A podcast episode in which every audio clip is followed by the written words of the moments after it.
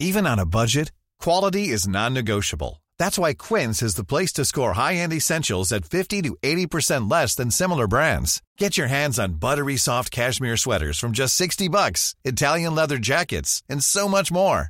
And the best part about Quince, they exclusively partner with factories committed to safe, ethical, and responsible manufacturing. Elevate your style without the elevated price tag with Quince. Go to quince.com slash upgrade for free shipping and 365-day returns. Hiring for your small business? If you're not looking for professionals on LinkedIn, you're looking in the wrong place. That's like looking for your car keys in a fish tank.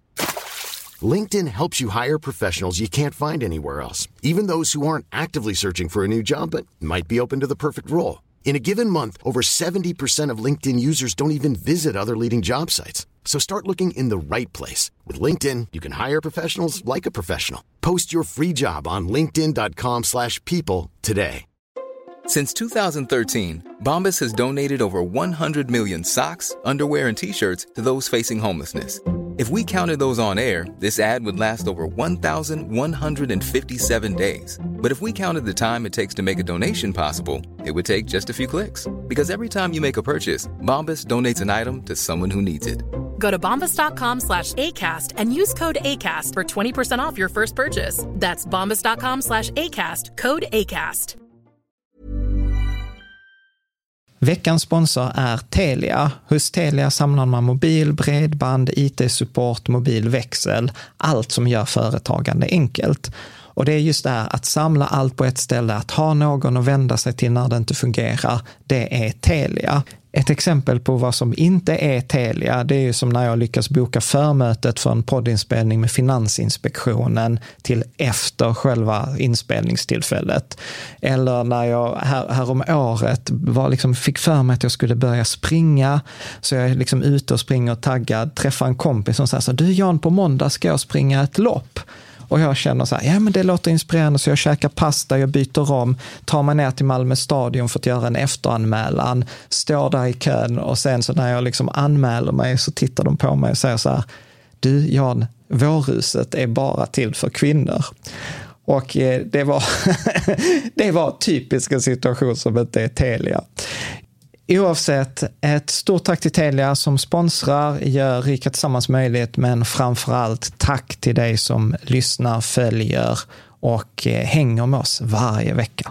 Fyrainkomstmodellen är ju ett sätt att kunna fatta bättre beslut, att kunna sova bättre om natten och genom att fatta de här bättre besluten faktiskt kunna få en bättre avkastning över tid, samtidigt som man undviker de vanligaste misstagen. Du lyssnar på Rika Tillsammans-podden som handlar om allt som är roligt med privatekonomi. I den här podden får du varje vecka ta del av konkreta tips, råd, verktyg och inspiration för att ta ditt sparande och din privatekonomi till nästa nivå på ett enkelt sätt. Vi som gör den här podden heter Jan och Caroline Bolmesson. Idag är det dags för avsnitt 190. Mm. Och eh, idag så blir det en eh, uppdatering av det som vi brukar kalla för fyra hinkar-principen. Så detta är faktiskt version 3.0. Jag tror vi gjorde detta avsnittet typ avsnitt 43 och sen Mm. gjorde vi en uppdatering 103, avsnitt 133 och nu är det avsnitt 190. Man kan ju undra varför vi behöver uppdatera det. Är det något nytt som har tillkommit? Eh, ja, men jag tror att man blir... Eh, liksom Man blir lite- klokare eller? Ja, jag vill ju gärna tycka att man blir klokare, men ibland så känns det att ju mer man lär sig, desto mer förvirrad blir man. Mm. Men, men det handlar om att egentligen så har vi har fått feedback, den har ju legat ute, alltså 133, det är ändå nästan 60 avsnitt sedan. Ja. Det är ju ett år, så att vi har ju fått feedback, vi har kommit in frågor och det har varit mycket diskussioner på forumet. Så att där är vissa saker som jag liksom så här, nej men detta var, var- det var bra förr, men nu kan vi liksom Nu är det vrida lite till mer det. slipat. Mer slipat, eh, absolut. Och syftet med liksom fyrinkarprincipen, det är ju att ge en modell kring hur man kan tänka kring sin ekonomi eh, och hur man kan strukturera den. Och i, i grunden så tänker jag också att det handlar om att ha den här balansen som du brukar ju säga så här, att eh, om det kostar dig din nattsömn så är det, för, Så är det för dyrt. för, så är det för dyrt. Eh, så att här handlar det om balans mellan god nattsömn, alltså det em- emotionella, och liksom att ha en hög avkastning. På sina sparade pengar, ja. Ja, Men ehm, även om vi då har slipat till avsnittet så är det ju ändå grunden vi kommer att prata om. Eller hur? Alltså det, är ju, det är ju så himla skönt, tror jag, för många att känna så att eh, här finns en modell för hur jag kan tänka kring hela min privatekonomi. ja, Så att alla delar är med. ja. Och, och, eh, Nej, men så att man inte tappar någon del som, ja, nej, jag, jag, vet inte vad det kan vara med barnsparandet eller jag vet inte om att man inte räknar med huset eller whatever det kan vara. Ja. Liksom. Nej, men jag, tänk, jag tänker snarare så här att, att det är ju, vi har egentligen två avsnitt som jag tycker så här, om någon på bloggen bara skulle säga, om jag bara fick ge två avsnitt, Mm. då hade jag satt avsnitt 99 som handlar så här, kom igång med ditt sparande, hur gör du rent konkret? Mm. Alltså, och så är det detta avsnittet som handlar om, liksom, det, det är ett ramverk snarare att få, att få rätt balans. Alltså att detta hjälper dig att undvika vanliga misstag, det hjälper till med liksom undvika vanliga problem, det hjälper, hjälper till med frågan också, hur ska jag dela upp mitt sparande? Det är väl egentligen det som det, detta handlar om. Så att idag kommer vi inte prata om så här, du ska ha indexfonder eller du ska ha fondrobot, utan nu kommer vi snarare prata om hur, hur ska jag titta på min ekonomi, hur ska jag fördela den och framförallt så hur ska jag fördela den i förhållande till, eh, till risk. Och det som är nytt då egentligen från, från när vi gjorde detta förra gången är ju att i diskussioner, vi har ju forumet som jag älskar, i forumet så har vi konstaterat så att, att det blir en ganska olika tillämpning i ditt liv beroende på vilken fas du är i livet. Och för att göra det väldigt enkelt, så till exempel tittar man på så här amerikanska företag, så pratar man så accumulation phase och sen så pratar man liksom den ackumulerande fasen, sen pratar man om den förberedande, förpensionsfasen, tidig pension, gammal pension. Och jag är så här, "Nej, jag pallar inte, jag kommer inte ens ihåg dem nu. Nej, men, ja, när pratar man om detta sa du? I amerikanska... När, när, när man pratar så studier eller när man pratar med amerikanska bolag så har de ofta en sån här, liksom olika om faser. människors ekonomi? Eller Ja, om, man går ja. igenom olika Mm. faser. Medan jag tänker egentligen att jag gillar när man kan hålla det enkelt. Och, jag, och, och då tror jag egentligen att där är typ två faser. Den ena fasen är get rich-fasen, alltså den när jag ska bygga upp ett, ett sparande, en ekonomi, liksom ett kapital. Och sen, sen vill de flesta av oss ha en stay rich. Alltså Ja. när jag väl byggt Ja, upp min, ek- eh, min ekonomi. Så, att, så därför har jag liksom, det kommer vara liksom lite olika perspektiv idag också, om, vi, om man är i get rich-fasen eller stay rich-fasen. För att Hur man då tillämpar fyra, hinkars. hinkars-principen. För jag upptäckte att vissa av de sakerna som jag hade pratat om, för att vi har ju länge varit i get rich-fasen, så pratar vi mycket om det. Men sen när vi träffade kompisar, när vi pratade, när jag pratade med folk som hade väldigt mycket pengar, då insåg jag det, de här råden är ganska dumma i den situationen, liksom när man väl har pengarna. Så det kommer, Ja. vi, det kommer vi prata om. Eh, och det är många som är intresserade av det i FIRE, till exempel. Liksom, hur gör jag Hur gör sen när jag väl när jag ja, blir man har- ekonomiskt fri? Mm. Och, och sen så tänker jag också att detta avsnittet handlar väldigt mycket om eh, att fortsätta egentligen den konversationen som vi har i forumet, fast göra den i podden här, och så att den sprider sig till fler. Så att jag tänker att detta är väldigt mycket en, en work in progress. Alltså att detta avsnittet är liksom, detta är den senaste uppdateringen, men man kan alltid gå in och titta på bloggen för att den kommer vara uppdaterad och där kan man, och är man ännu mer nördig så kan man hoppa sen vidare och kolla i diskussionerna. Hur, hur, hur resonerade ni när ni kom fram till den här modellen? Så jag kan liksom inte ta cred för något liksom av detta, utan detta är liksom ett samskapande och som naturligtvis bygger på massa andra amerikanska rådgivare som vi ska prata om. För, så att det är inte, denna modellen är ju faktiskt över 40 år gammal nästan. Ja. Bra. Och eh, sen det slutliga också som jag vill säga innan vi hoppar liksom mer in i avsnittet, så är det ju så att den här, eh, vi kommer att prata om det, men modellen är ingen naturlag, den här, utan tricket här är att använda det och anpassa det till sin egen ekonomi. Så att det kan ibland synas som att folk inte alls håller med om, men jag tycker det är bra när man inte håller med, för då har man gjort det till sitt eget. Och det är, Ja. inte, liksom, det är inte något facit. Nej, det är eh, inget på, facit. På, på, på, på något sätt. Bra. Eftersom vi kommer att prata om ekonomi, vi kommer att prata om hur man ska dela upp sina investeringar, så är det jätteviktigt att vi pratar om liksom det juridiska.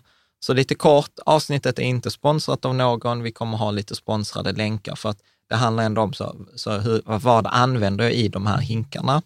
Eh, avsnittet är inte betraktat som finansiell rådgivning, utan man behöver liksom kolla, vi kan gärna tipsa om oberoende finansiella rådgivare som använder den här principen så att du kommer känna igen allting. Och pratar man om liksom investeringar så kan de öka och minska i värde och eh, i värsta fall så kan man förlora allt. Men det är ju det som är poängen med hinkarna, att man inte ska göra det någonsin. Och detta bygger ju naturligtvis på diskussioner i forumet, det bygger på liksom, eh, tidigare böcker, det bygger på amerikanska artiklar etc. Så att där är källor till allting och jag har bedömt att så här, det låter liksom som rimligt att de är ja. tillförlitliga. Man kan läsa mer på riketsammans.se villkor. Och eh, detta avsnittet finns också en sammanfattning på ett, på ett par minuter. Expressavsnitt. Ja, de finns på YouTube och de finns på bloggen. Så mm. om vi kollar där. Du som lyssnar på det här, vill du ha liksom slidesen som vi använder när vi kör på YouTube-avsnittet, så finns, de också, finns det också länk till, I, eh, blogg I bloggen och i, i beskrivningen till, till poddavsnittet. Ja. Men det är inget man behöver för att hänga med i, i avsnittet som vanligt, så mm. det, går, det går superbra. Mm. Och eh, sen som det sista vill jag bara göra lite reklam för vår Patreon-community. Du bara, du bara skrattar. Nej, det är så, äh, sista grejen nu och sista innan vi kan hoppa in. Men vår community, den är ju jättefin. Den är jättefin. Vi har haft roligt nu under 2021. Vi har tjänat pengar. Vi, eh, också. Ja, ja. Eh, alltså de som är i communityn. Ja, ja, de som är i communityn. ja. vi, vi tipsade om Fraktal och Nimbus som mm. var två börsintroduktioner. Eh, så att det var en hel del som fick tilldelning. Som, jag tror Fraktal var en sån här fantastisk börsintroduktion. De som fick till, det var jättesvårt att få tilldelning, så var typ bara Eh, typ två av tio, typ 20, en av fem som fick eh, tilldelning, men de som fick tilldelning, de typ dubblade eh, pengarna, så det blev typ 5 000 spänn. Ja. Så att det var många som var så åh nu har jag betalt mitt Patreon-medlemskap för flera år. Eh, mm. Så att det, mm. var, det var jättekul. Så att det är en av de grejerna. Vad vi kommer göra nu under mars, eh, då måste jag säga tack till folk i communityn.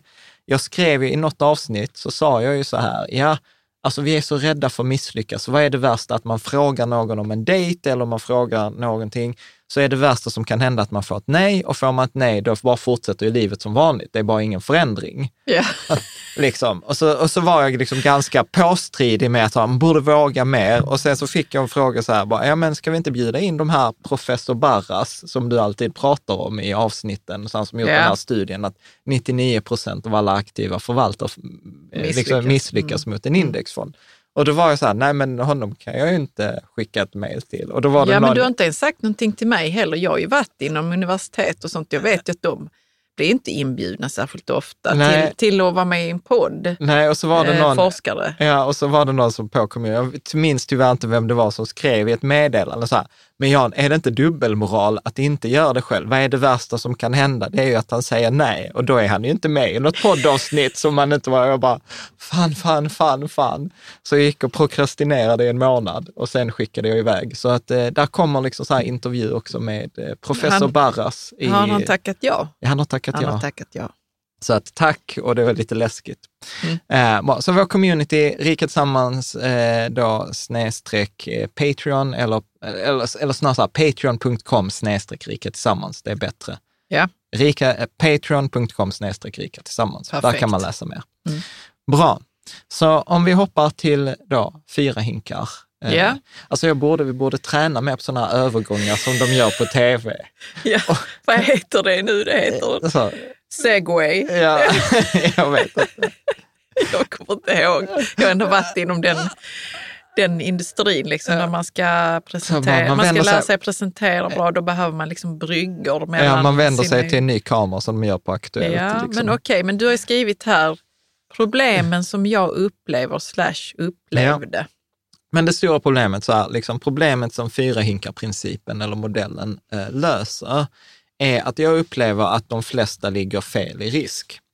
Och, eh, de flesta sparare? De flesta sparar. sparare som sparar ligger fel i risk. Och man kan ligga fel i risk på två sätt. Mm. Eh, det ena sättet är typ som jag brukar tänka på typ våra föräldrar eller du vet så här, någon som är lite äldre, att man har så här, nej men eh, bankaktier är spekulation och det är som en kasino och så här, jag har alla pengarna på bankkonto. Och då ligger man fel risk för att man har för låg risk. Eh, liksom, i förhållande till vad man borde ha.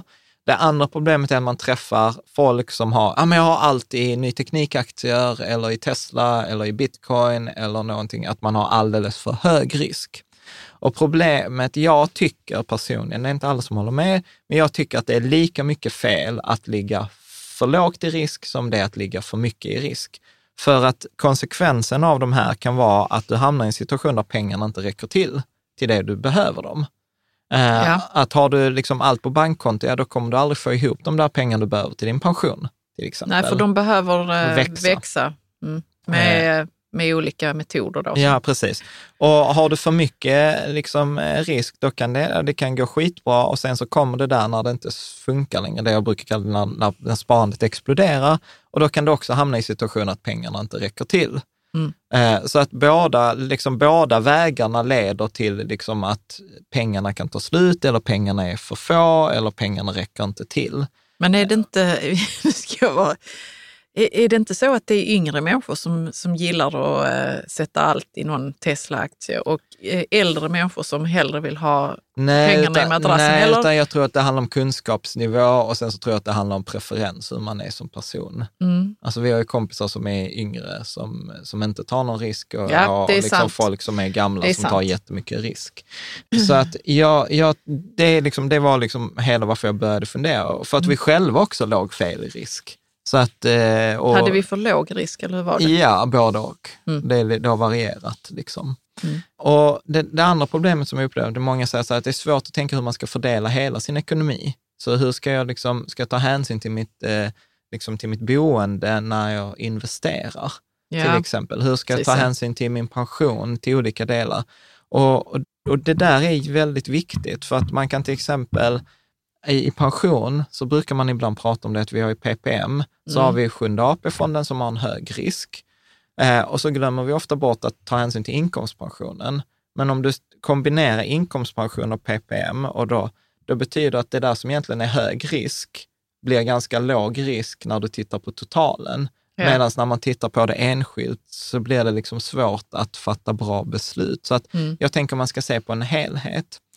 Och sen så tänker jag också att det handlar om att balansera det här liksom emotionella behovet som uppstår i olika situationer. Du vet att nu är ganska många giriga. Allt går ju bra. Alltså det spelar ingen roll vad man köper på börsen. Ja, börsen går bra ja. det Ja, och alla allt går bit, bitcoin går upp, allt går upp just nu. Liksom. Mm. Eh, och eh, då, då är det lätt att bli girig. På samma sätt när allt går ner.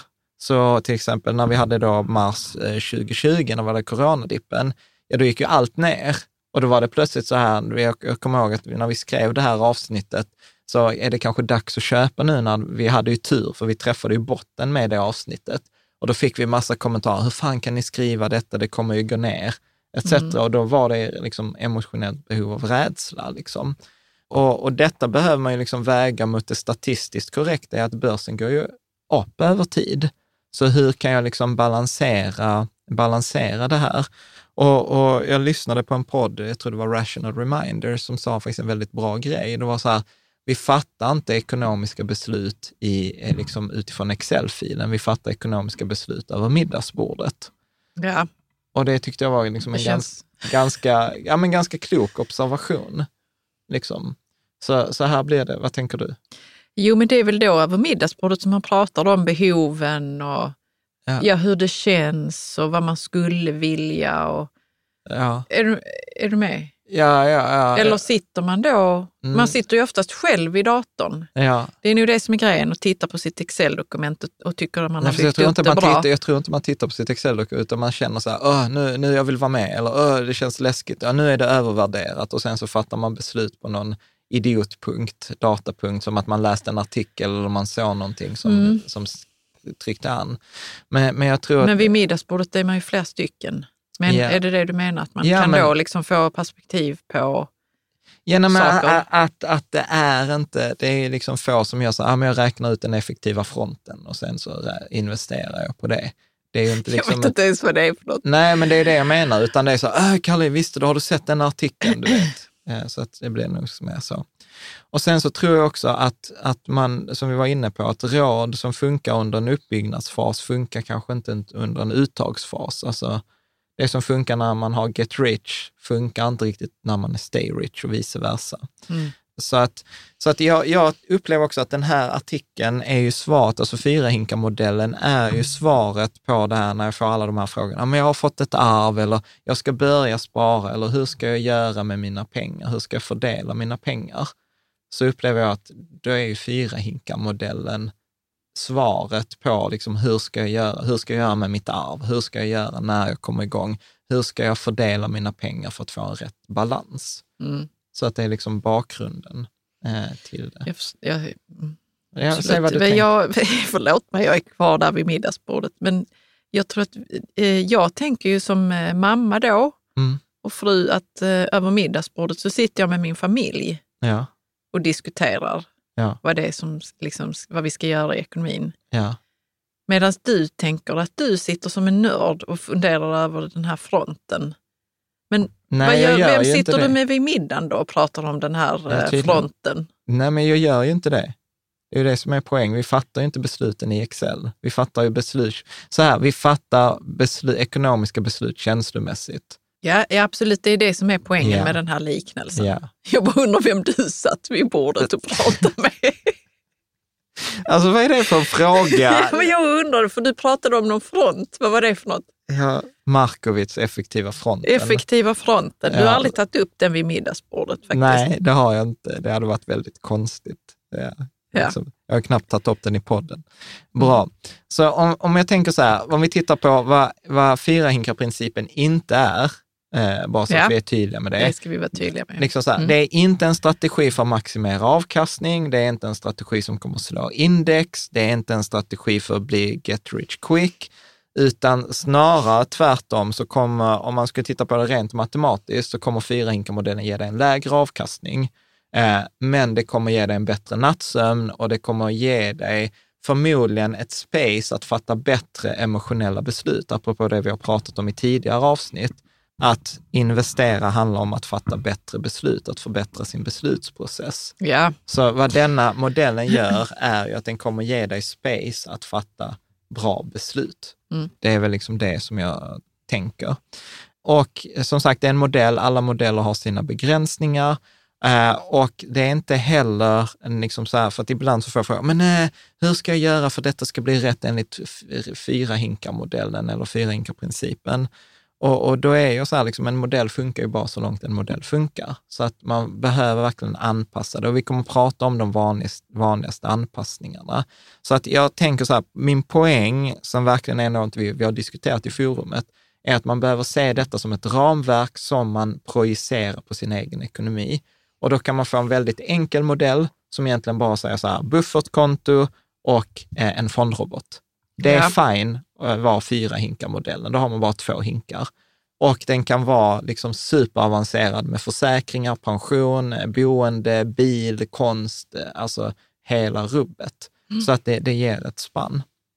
men det här du säger att man ska ha utrymme att fatta bra beslut. Ja. Är det, du menar då att man inte ska ha, liksom, fatta beslut under stress eller att man ska liksom... Vad, vad menar du då? Jag menar att vi hamnar ju ibland i situationer då vi blir lite dumma i huvudet. Alltså så här att eh, Moa brukar ju, min Vår, eh, coach, liksom, hon brukar ju säga så här att ibland hamnar man i en situation där man känner igen sig så här, alltså jag är för smart för att vara så här dum. och jag, Ja. och jag, jag, jag älskar liksom det uttrycket för att, för att vi är smarta människor, de flesta liksom av oss. Och ibland så gör vi bara dumma grejer. Och, och oftast gör vi dumma grejer när vi blir rädda eller när vi är stressade eller när vi får mycket liksom information som är i konflikt. Och när det gäller just börsen, alltså man kan göra ett s- 100% solitt case att börsen är övervärderad, man borde gå ur.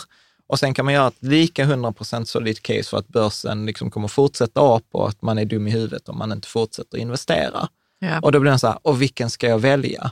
Och då blir det lite på dagsform. Mm. Och det är liksom det som jag vill liksom undvika, eller det är det som fyra hinkar-modellen hjälper, Mm. hjälper till med. Perfekt. Okej.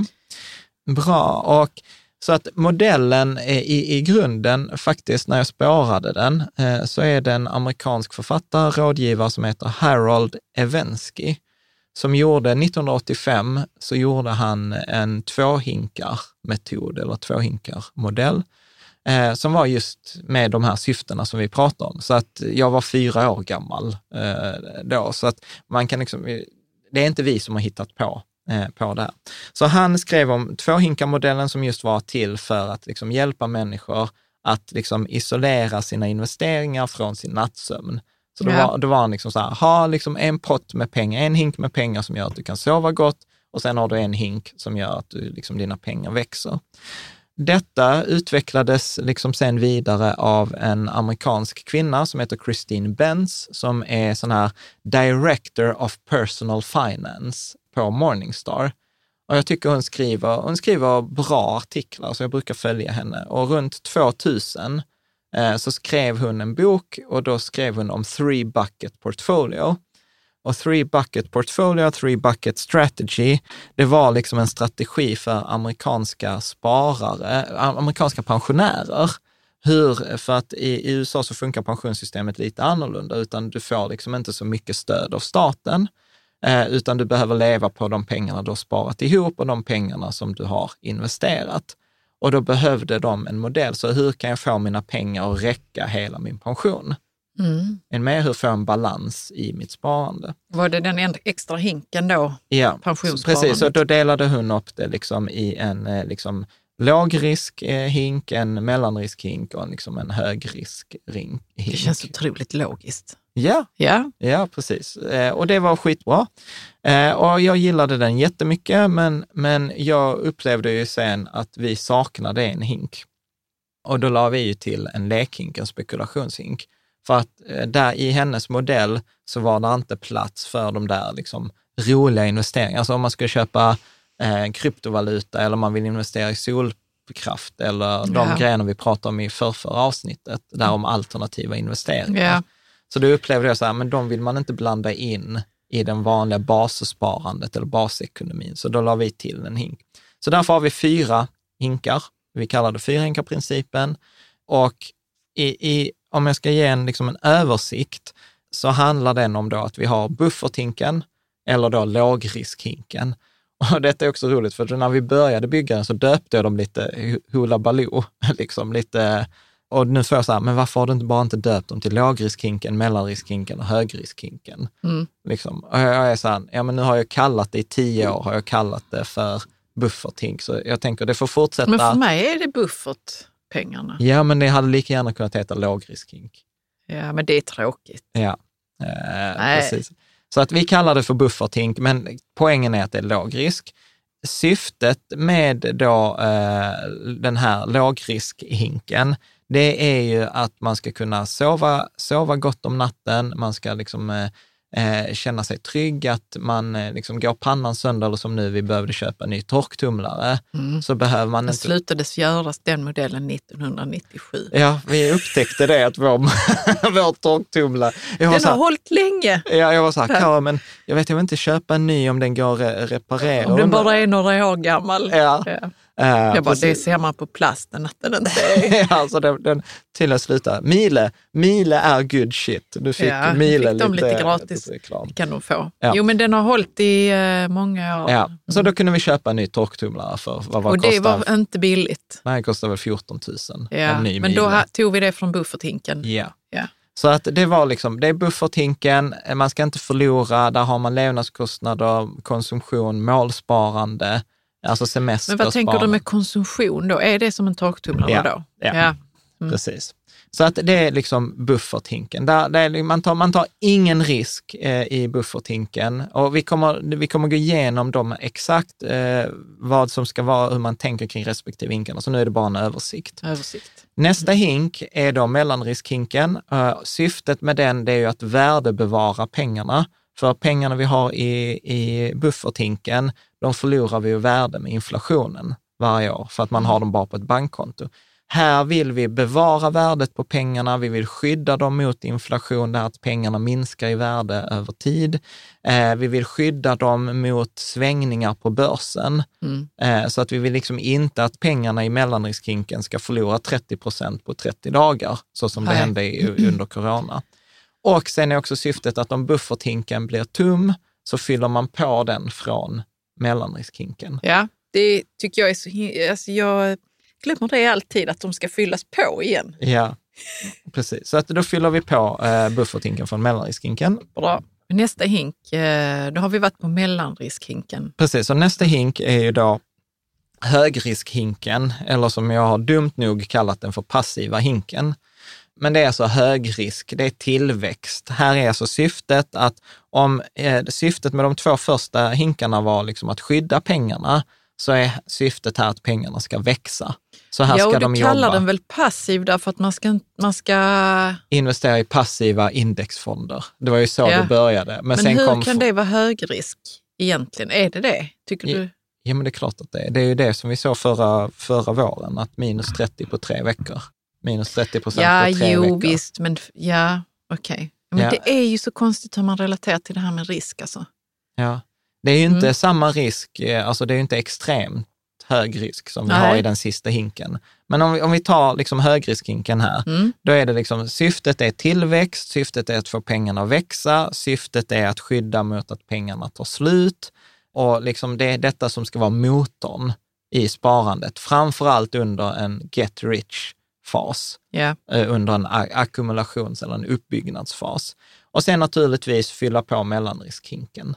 Mm. Men att detta att fylla på, det är inget man behöver göra nu. Alltså bara för att vi köpte torktumlaren så betyder inte det att vi måste ta pengar från mellanriskhinken och fylla på det, utan det kan man göra i slutet av året eller när tillfället är, är bra. Och det är det som är liksom den stora fördelen, att Ja. tänka med de här hinkarna. men man, eh, det kommer du kanske också ta upp hur mycket det måste vara i dem. Ja, det Mm. kommer vi prata om storleken, absolut. Ja. Och den sista eh, hinken, det är ju då... Den är så liten, så liten. Ja, jag kallar denna för lekhinken, Mm. eller aktiva hinken har vi kallat den, eller spekulationshinken, eller extremt hög kan vi inte bara hålla oss till ett namn? jo. Lekhinken. Lekhinken, det är så vi har kallat den och det är så Ja. jag brukar referera till den. Mm. Och, och syftet med lekhinken är ju att, eh, att få utlopp, jag har skrivit så här, få utlopp för emotionella behov. Så här, jag vill vara med. Alltså så här, man vill ju vara med Ja, i eller GameStop. man tycker att det är eller- kul med ekonomi och ha det Ja. som hobby. Ja, jag vill kunna göra bra affärer, jag vill kunna direkt investera i aktier. Jag vill, vara med också kunna göra skitaffärer. Ja, jag vill kunna vara med i börsintroduktioner. Eh. Alltså för det är ju så att vissa grejer går inte bra i den. Nej. Så kan, så kan Nej, det vara. och Och det det, är okej. ingår i spelet. Ja, och då har Mm. man liksom isolerat det till lekhinken. Ja. Liksom att tänka att det är okej där, den, den är till för att spekulera. Så de två första är till för att skydda, den tredje är till för att bygga och den eh, fjärde är till för att ha roligt eller spekulera. Men varför har du gjort den liten, John? Eh, för att den ska vara... Är det i storleks... Ja, eh, under uppbyggnadsfasen så ska Mm. den vara mi- mycket mindre än den passiva eller högriskhinken. Men vi kommer, vi kommer till Ja, vi storlek, kommer till det. för där är lite olika resonemang. Så att om vi nu börjar titta på, eh, förra gången vi gjorde detta avsnittet, så tittar vi hink för hink. Ja. Nu tänker jag snarare att vi ska ta ett annat perspektiv och så titta till exempel storlek, titta avkastning, så tar vi alla tre hinkarna så att Mm. vi skär limpan på, på, på andra hållet. Så att jag tänker liksom så här, perspektivet, egentligen uppdelningen här i hinkarna handlar om risk. Så det handlar om låg, mellan, hög och mycket hög risk. Det är liksom det. Sen kallar vi dem då bufferthink, eh, mellanriskhink, passiv hink och lekhink. Och då bara liksom för repetition här eh, innan vi går vidare. Så syftet med den första hinken är buffert, sova gott om natten, oförutsedda händelser och det är okej att underprestera mot inflationen. Mellanriskhinken, hink nummer två, är då syfte bevara pengarna, skydda mot inflation, fylla på bufferthinken. Nästa hink, den passiva hinken, det är alltså tillväxt av kapitalet, fylla på mellanriskhink. Och lekhinken är till för att liksom ha, ha liksom roligt. Ja. Och tar man detta perspektivet så kan man egentligen ta nästa, nästa nivå och då kan man börja titta, okej, så vad har jag för förväntning om avkastning om de här olika hinkarna? Och bufferthinken så blir det ju typ 0 till 2 procent om året, för det är där inflationen ligger. Målet Riksbanken har är 2 procent. Det vill säga att jag ska förlora 2 procent av mina pengar varje år, eller värdet på mina pengar ska sjunka med 2 procent per år. Så att för någon som inte har någon så mycket relation till det så kan man säga så här att ett barn som får eh, en hundralapp i doppresent, så betyder det att när barnet tar studenten så är pengarna bara värda typ kanske 80 kronor. Ja. Liksom. Inte att de har förlorat i, eh, i liksom att det står... Om man Det står in- inte 80 det kronor står inte på 80 den, nej. kronor på kontot, utan det står fortfarande 100 kronor, men du kan bara köpa någonting för motsvarande 80 kronor. Ja, Ja, precis. så att, så att avkastningsmålet i bufferthinken är 0 till 2 procent. Om vi då tittar på nästa nivå, då mellanriskhinken, ja men då vill vi ha ett avkastningsmål på 3 till 5 procent. Och då är det liksom 1 till 2 procent eller 1 till 3 procent över inflationen. Och det är här det här värdebevarande kommer. Och detta är också viktigt, för detta kommer ju berätta vilken typ av investeringar, hur ska jag placera de här pengarna för att få 3 till 5 procents avkastning. Eh, nästa nivå blir ju då eh, hög risk, eh, då passiva hinken, och då ligger vi på 67 eller 68 procents avkastning. Och, och detta kommer sen, som vi kommer se i nästa steg, kommer ju matcha fint för till exempel, har du en portfölj med 100 procent aktier, så kommer den ge ungefär 7 procent Ja. eh, ax- eh, 7 procent eh, avkastning per år. Har du en portfölj i mellanrisk som är kanske typ 50 procent aktier, 50 procent räntor, Mm. ja men då kommer den ligga på ungefär 4 procent. Ja. Eh, Så att man, det blir liksom så här att det blir en väldigt fin koppling eh, mellan liksom fyra hinkar principen och liksom tillgångsallokeringen, alltså hur du ska placera dina pengar, eller liksom använda dem hos en fondrobot. Och det är därför jag tycker att liksom, liksom fyra hinkar-principen passar så himla fint ihop med en fondrobot eller en egen portfölj. ja, absolut.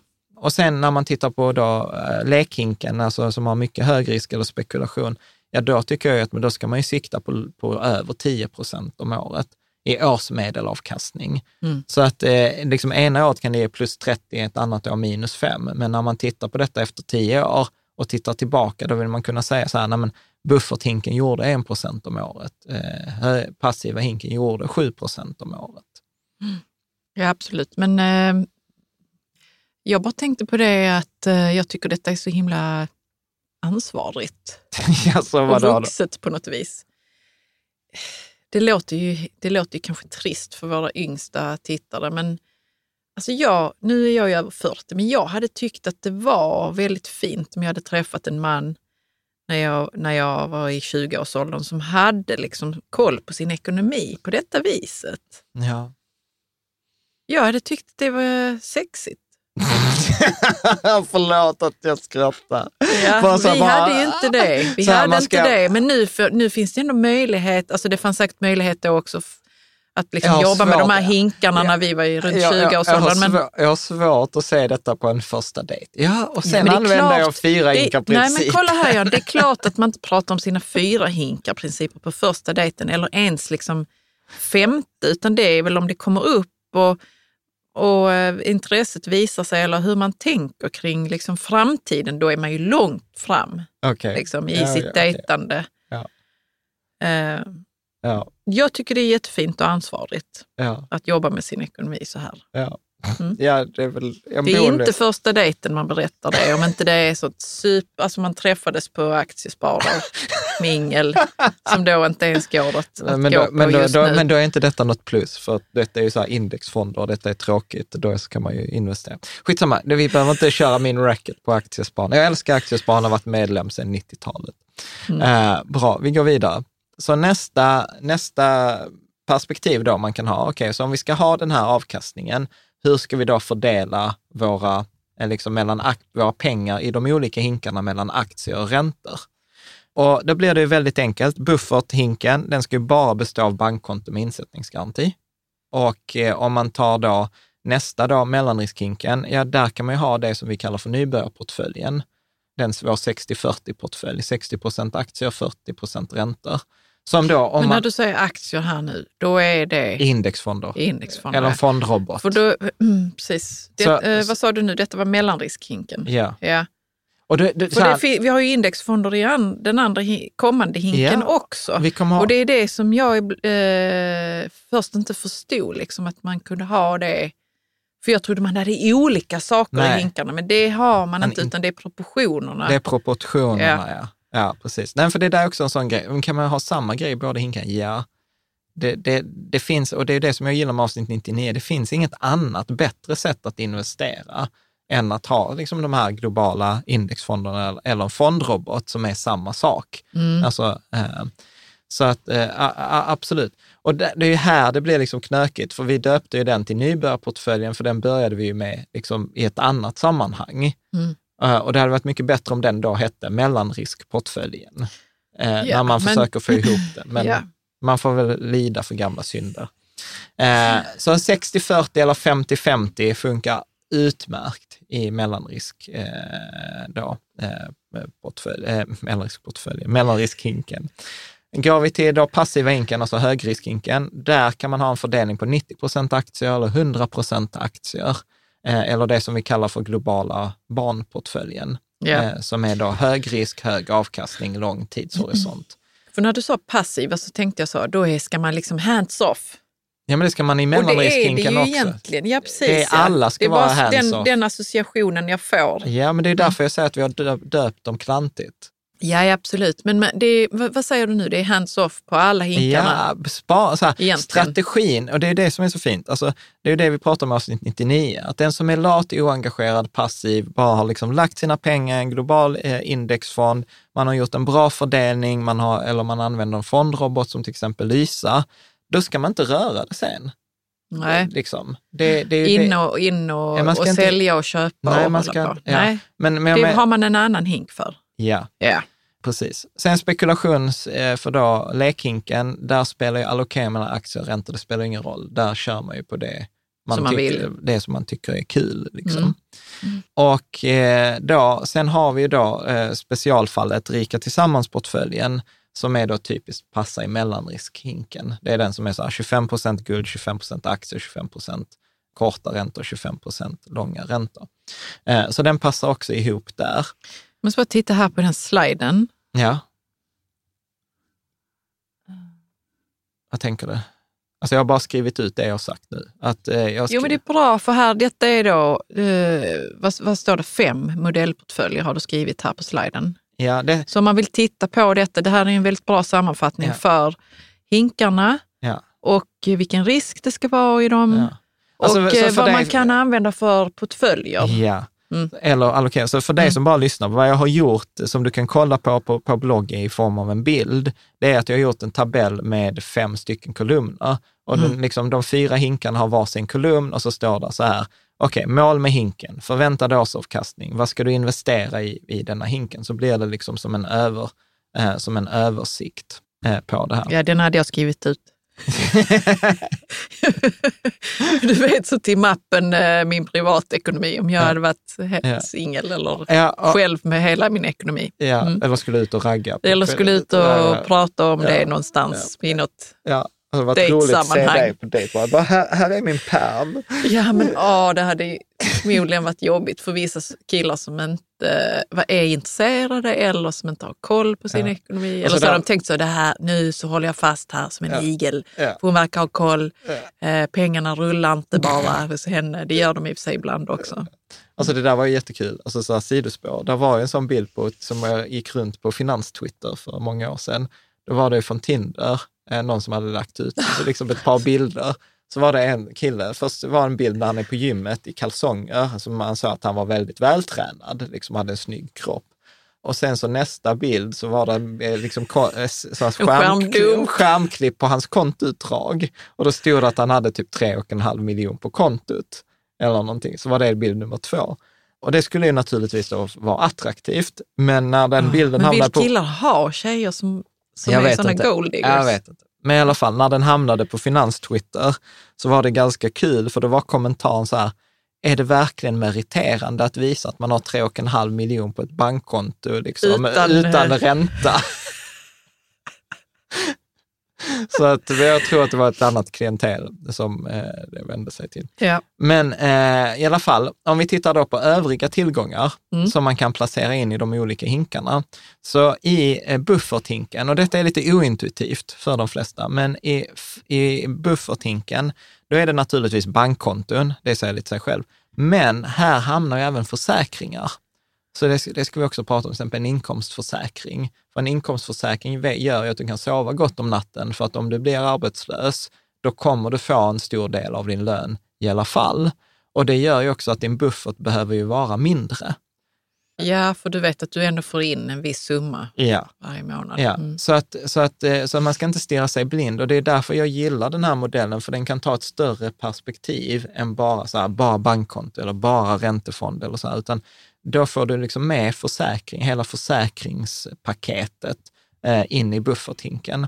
Eh, kontanter, säljbara varor tycker jag också hamnar i Vad kan det bufferthinken. vara för någonting? Är det, är det konst eller vad kan det vara? Nej, alltså jag, ja, Det- Ko- konst det är inte något som gemene Jag- man nej, men jag, ha, Jag skulle liksom. säga så här, liksom, alltså saker du skulle kunna sälja på Blocket. Ja, inte inte ja. investeringar. Barn, exempel- barnvagnar som... Ja, det kan vara bil Kan- till exempel. bil. Det skulle kunna vara. Alltså du vet, om det skulle verkligen skitit sig, vet, så här, pannan går sönder, man har inga pengar, ja men då får man väl sälja bilen och köpa en panna, Mm. värmepanna. Alltså, så att den typen av saker kan man få in. Man behöver inte lägga in eller tänka så här, vad är bilen värd och så sätta in den i bufferthinken. Eh, utan man kan använda fyrainkomstmodellen med att bara titta på sin finansiella investeringsekonomi, eller så kan man ta in hela sin ekonomi, inklusive liksom allt. Eh, I mellanriskhinken, då är också en sån här lite, som inte alla är helt med på spontant, är att jag tycker att boendet ska ligga i mellanriskhinken. Ja. Och det är om man har ett ägt boende såklart, alltså en det, villa ja. eller en Mm. bostadsrätt. Och varför? Jo, för att det är de facto en tillgång som du äger. Och om vi tar perspektivet att jag vill ha med hela min ekonomi, så måste jag placera den någonstans. Och då blir ju mellanriskhinken det bästa stället för att eh, fastigheter eh, över långa historiska tidsperioder bevarar värdet. De, vä- de växer inte i värde så som de har gjort de senaste 30 åren. Alltså hade vi bara tittat de senaste 30 åren i Sverige, då skulle den ju lägga till den pass i högriskhinken. Men, men jag, jag tycker att det är bättre placerad i mellanriskhinken, för den ska växa med inflationen eller lite precis över. Mm. Men när man placerar den i mellanriskhinken, då, är, då tycker jag personligen att man bara tar upp eh, mellanskillnaden mellan alltså värdet minus lånen man har. Så har man en, en villa som är värd 3 miljoner och man har ett lån på en miljon, då sätter man inte in att jag har 3 miljoner i min Nej. mellanrisk, utan då sätter man att jag har 2 miljoner i min mellanrisk. Och ytterligare en motivering till att ha med huset är ju att de facto, det går ju för många att låna på huset. Eh, Så man kan de facto få ut pengar, apropå det där med att fylla på bufferthinken. Ja. Eh, Och det är ju inte ovanligt att folk lånar pengar på huset för att köpa en bil, Nej. eller lånar pengar på huset för att renovera huset, eller lånar pengar på huset till och med för att resa. Mm. Så att jag personligen tycker att om man tar perspektivet att man vill ha med hela sin ekonomi i fyrahinken, då ska man ta med boendet och man ska placera det i mellanriskhinken. Mm. I högriskhinken, då den passiva hinken, där tycker jag även att man kan placera då pensioner, särskilt tjänstepension eller PPM, alltså sådan pension som är långsiktig, eh, då givet att man är under 55. Är man över 55, då kommer vi prata om det också, men då passar kanske pensionen mer in i mellanriskhinken Ja. än, än vad den gör i, i högriskhinken. Och sen i då spekulationshinken, eh, där ska man ju då, lekhinken, då ska man naturligtvis ha typ lyxartiklar, alltså typ klockor, konst, vinsamling. Alltså lite mer, det är inte, du säljer inte en vinsamling på Blocket eller liksom eh, på, på det sättet, utan där har man kanske mer tänkt att om jag köper denna, för jag vill bevara värdet eller liksom, det är mer en spekulation. Ja. ja, visst.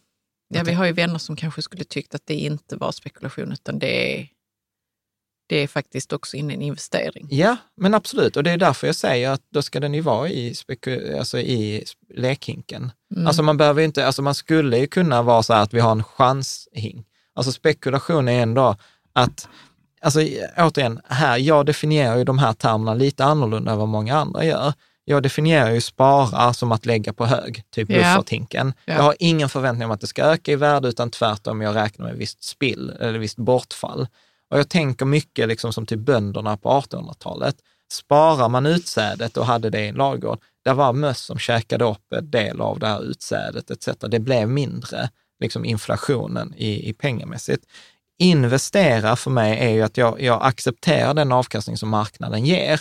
Jag har ingen åsikt om att Åh, nu är börsen övervärderad, nu är börsen mindre värderad, techbolag borde gå bättre. Jag har ingen tro om någonting, utan jag bara accepterar det. Det är att investera, att acceptera marknadens avkastning. Spekulation för mig är att jag har en tro. Jag har en tro Eller förhoppning. Av, Eller, eller en förhoppning, Mm. eller jag har någon motivering till att jag gör detta. Jag Ja. gör detta för att jag tror att värdebolag är undervärderade. Jag tror att tillväxtmarknader kommer gå bättre än index och jag satsar, jag spekulerar i det. Det är ju fortfarande skillnad mot att gå in på ett kasino och spela roulette och sätta allt på rött. Det är ju inte en spekulation, det är ju gambling eller liksom chansning. ja.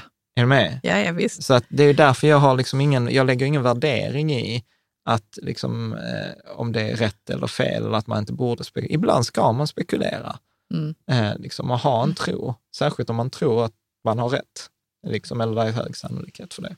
Mm. Make sense? Ja, ja, absolut. Det är bara att eh, jag, jag vet, ibland har jag nog ett problem med att allt, allt ska ner i olika hinkar. Liksom. Att det är liksom både högt och lågt i samma hink på något vis.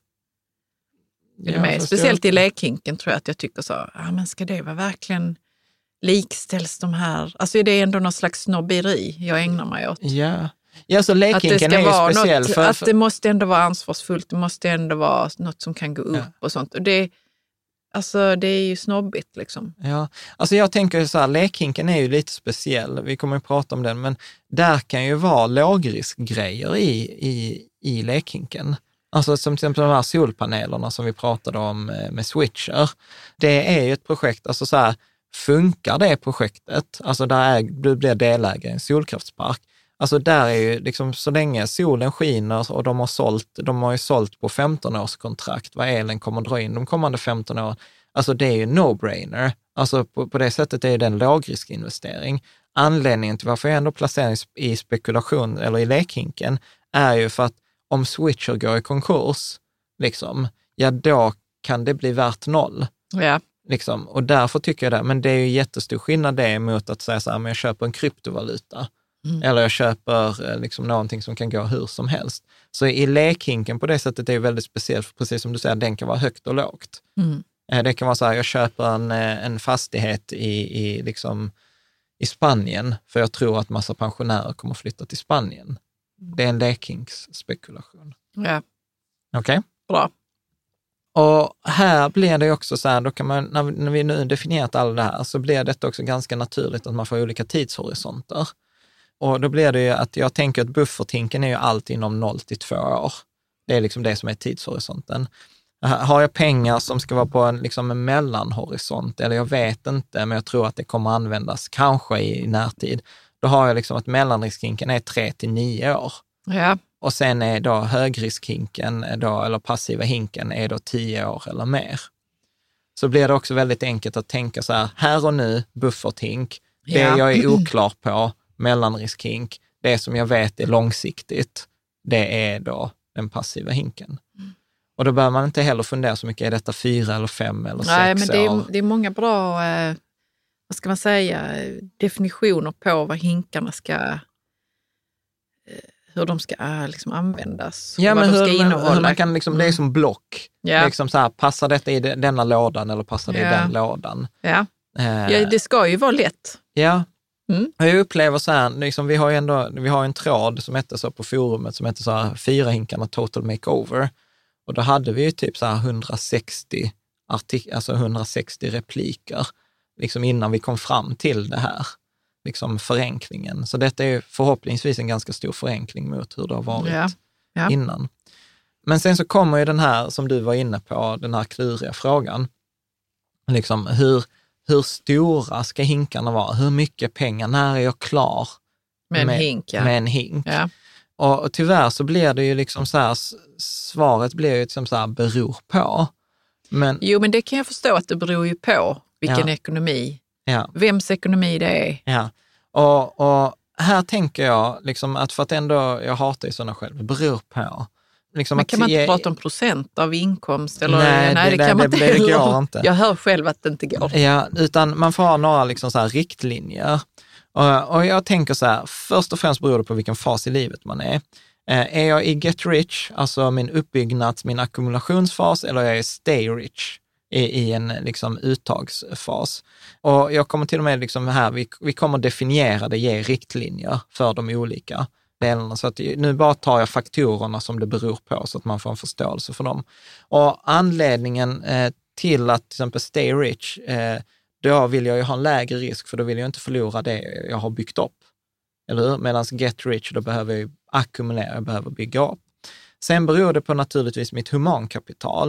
Det vill säga hur gammal är jag, vilka färdigheter, vilken utbildning har jag, vilken karriär har jag, hur enkelt, hur svårt är det för mig att skaffa ett jobb? Alltså om vi tar som bufferthinken, alltså en programmerare som bor i Stockholm, som är duktig och som jobbar på Spotify, kommer ju få ett nytt jobb imorgon om han eller hon skulle söka ett nytt jobb. Är du med? Medan mm. om jag är liksom 53 år gammal, bor i Sorsele och de lägger ner skolan, då är det liksom svårt för mig att få ett nytt jobb. Liksom, okej, okay, lärare, alltså nu var det dumt. Just i Sorsele just, kanske? Ja, eller att jag är så här industriarbetare eh, någonstans på en fabrik, som, på ett pappersbruk som läggs ner. Mm. Det är mycket svårare för mig att få ett nytt jobb. Så då borde en, en sån person med då ett lågt humankapital måste ju ha mer pengar i skydd, tycker jag, än, än någon som kan få ett nytt välbetalt jobb imorgon. Är du med? Så, yeah. så humankapitalet spelar absolut jättestor roll. Samma sak en 23-åring eh, som inte har några barn, inte har någon familj, bor i en hyresrätt, behöver inte ha i närheten eh, liksom så stor buffert som till exempel vi, som är liksom 40, eh, som har två barn och en villa, eh, liksom, och där elen kostar 240 öre kilowattimmen. Liksom. Nej, men, ja, ja, visst. Ja, ja. och, och torktumlaren går sönder. Och torktumlaren går sönder samtidigt. Mm. Liksom. Mm. Så, eh, så att det är liksom det ena, humankapital. Försäkringsbehovet eh, också spelar ju roll. Att ha en inkomstförsäkring, eh, har jag liksom drulleförsäkring, alltså har jag massor av försäkringar, då behöver jag inte heller lika mycket pengar som om jag inte har någon försäkring över, överhuvudtaget. Sen är det naturligtvis, beror på risktolerans. Hur mycket är jag öppen för risk? Gör det mig någonting att börsen faller med 30 procent och jag förlorar 30 procent av mitt kapital? Till exempel, jag kan ju ta mycket större risk än till exempel min mamma, som inte alls är, har samma risktolerans. Mm. Eh, så det påverkar. Och sen naturligtvis helheten i, i ekonomin påverkar. Men här har du skrivit mål i livet, eller mål ja, med ekonomin kanske? Nej, men mål i livet påverkar ju också så här, ska, jag köpa, ska vi köpa ett hus om två år? Ja, då vill vi ha mycket pengar i bufferthinken, för det är de pengarna som ska användas för att köpa huset. Mm. Då vill jag inte spekulera dem så att jag har den här, går ner 30 procent på tre veckor och sen får vi vänta i tre år innan vi kan köpa vårt hus. Nej. Så, så, så, att, så att, och det är det här jag menar som att, eh, att man måste liksom ta hänsyn till hur, hur stora de här hinkarna var. Att det finns inte ett svar så här 10 procent av din inkomst in i den hinken. Eh, för det funkar Nej. dåligt. Nej. Vad tänker du? Men är det så att vi har någon exempel? Vi har, vi har, Eller exempelekonomi menar jag. Ja, jag kommer ge exempel sen både mm. på bloggen. Eh, inte så mycket för vi försökte ge exempel i förra avsnittet och det blev ganska ganska eh, krystat och, och, och lyssna Men på. Men då är det att man kan läsa på, på bloggen. bloggen. Där, och min tanke är att i de kommande avsnitten vi kanske kan plocka upp något, eh, någon läsare och ja. så titta så här, här är en person som är ung, som är 25 år gammal, så här gjorde vi fyra hinkar för den personen. Ja, det är jättebra. Så här mm. använder vi vår egen fyra hinkar och så här funkar det för en, uttags, eh, för en person i, i en uttagsfasen. Ja. Och, och, det är roligt för det var de diskussioner som uppkom på, på forumet. Det var till exempel en läsare, JBL, tror jag att han hette, som var så här, nej men eh, fyra hinkarna funkar inte för mig för vi är i uttagsfasen. Och det var då hela diskussionen började på så här, vi måste separera beroende på vilken fas i livet man är. Men sen var det roliga, så var han så här, jag använder inte fyrahinkarprincipen. Och sen typ så här 35 repliker senare så bara kom vi fram till, jo det är klart att han använder också fyrahinkarprincipen. Fast men han det har bara inte tänkt på det? Nej, han har inte tänkt på nej. det, bara att vi gör, man gör en annan anpassning. Mm. Och det var ju då vi kom fram med det här att man måste se det som en projektion. Liksom att man ser så här, okej, okay, hur ser detta ut i mitt liv? Inte att ta min modell och försöka anpassa liksom, sitt liv efter modellen, utan snarare ta modellen och anpassa den efter sitt liv. Men jag skulle nu ändå säga som du, som du sa om, om JBL då, att själva idén om fyra hinkar, eller hinkar överhuvudtaget, är väl intuitiv. Mm. Att dela upp helt enkelt. Mm. Jo, men det är min, mitt mål har ju varit att det ska vara intuitivt. Eh, att det ska liksom gå, man ska fatta det. För att om, om man inte fattar det, då spelar det liksom ingen roll att det är världens bästa modell, liksom, för den kommer ändå inte användas. Men jag har gett här på, så på frågan, så här, hur stora ska hinkarna vara? Om vi utgår då från en ackumulerande fas, en uppbyggnadsfas, Ja. att jag har inte tillräckligt mycket pengar för att kunna säga upp mig och leva på mina pengar. Det är det jag menar med en ackumulerande upp, uppbyggnadsfas. Då skulle jag säga så här, att eh, på bufferthinken så kan man tänka på, på, uh, på tre sätt. Uh, den ena tumregeln är så här, en till tre månadslöner, eller en till tre, egentligen mer bättre är egentligen en till tre månaders utgifter. Det är väl egentligen mycket bättre att tänka på utgifterna. Men man har inte alltid koll på utgifterna, då kan man tänka en till tre månadslöner. Det andra sättet som är lite mer avancerat, men som ger ett bättre svar, men det kräver ganska mycket tid, det är ju 12, månads, 12 månaders utgifter minus alla garanterade inkomster. Ja. Eh, det vill säga att man tittar hur mycket pengar behöver jag på ett år och sen så tittar man så här, jag tjänar så här mycket om jag blir uppsagd, då har jag tre månaders uppsägningstid. Ja, då kan jag plocka bort tre månader. Sen vet jag efter tre månader, då har jag en inkomstförsäkring och a-kassa. Då kommer jag få, eh, få liksom, eh, 80 procent av min lön. Ja, men då kan jag plocka bort eh, liksom 80 procent av månaderna och så kommer man ofta fram till en till tre månadsutgifter i alla fall. Så det är ett sätt. Och, och för de som vill ha en summa, Eh, till exempel om man läser Bodo Schäfers bok Vägen till ekonomisk frihet så säger han 50 000 kronor. Så att det är liksom så här riktmärken hur man Ja. kan tänka. Men, eh, ja vad skulle du säga? Jag tänker ju så, hur lång tid... För vissa tar det nog lång tid att bygga upp de här hinkarna. Absolut. För det är ju som ett flerårsprojekt. Man ska ju lägga undan pengar. Man kan inte lägga undan Bå- Både hur ja, mycket som helst Nej. heller ju. nej men så är det ju, eh, absolut. Och det är därför jag också säger att därför måste man också korrigera för humankapitalet. Ja, ja Liksom. precis. Ja, det glömde jag. Ja, Mm. så, att, eh, så att 50 000, ja för en student är det ju asmycket. Liksom. Men en student kanske inte behöver 50 000. Vad, vad ska, jag- alltså så här, 50 000 för, när vi var studenter 2000, alltså 50 000, det var ju ett halvårs studiemedel, typ. Ja, alltså man var ju 7000. typ rädd för de pengarna. Ja, men så, vad hade vi? 7 000 kronor i månaden. Ja. Ja, det var 49, det hade varit sju månaders CSN Mm. då. Så att då är det ju inte rimligt att ha 50 000, utan då är det kanske mer rimligt att ha 10 000 Mm. eller 14 000. Och då är vi tillbaka på rekommendation en till tre månadsutgifter.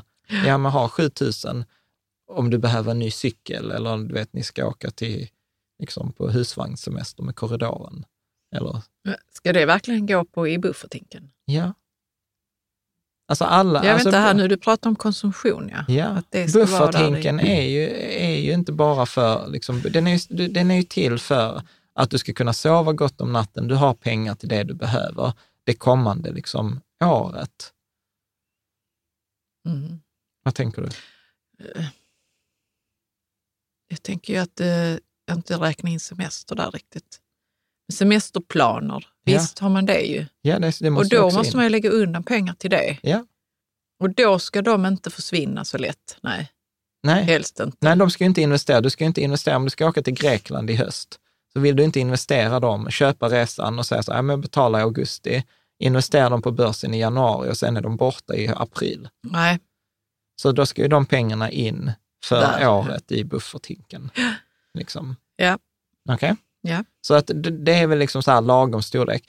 Sen kan ju detta vara så här att jag tror att när jag räknade fram vad du och jag behöver i bufferthink, ja då är det typ 100 000. Mm.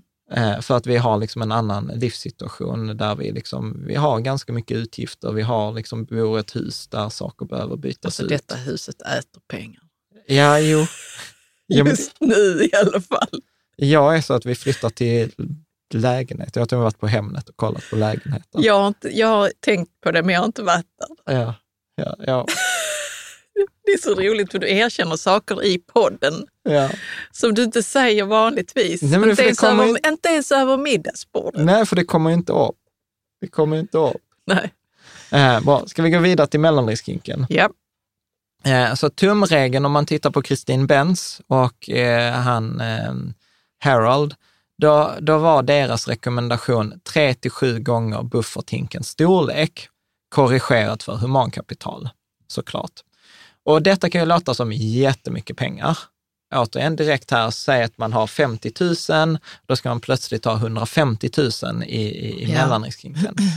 Men återigen då, tänk på att de flesta har ett boende och då har man de pengarna i boendet. Och stoppar man då boendet i mellanriskhinken så betyder det att majoriteten av de flesta har mer pengar i mellanriskhinken än vad de egentligen behöver. Vilket innebär så att ja, man kan ha lite pengar i mellanriskhinken så att, så att man skiljer på fritt och bundet kapital.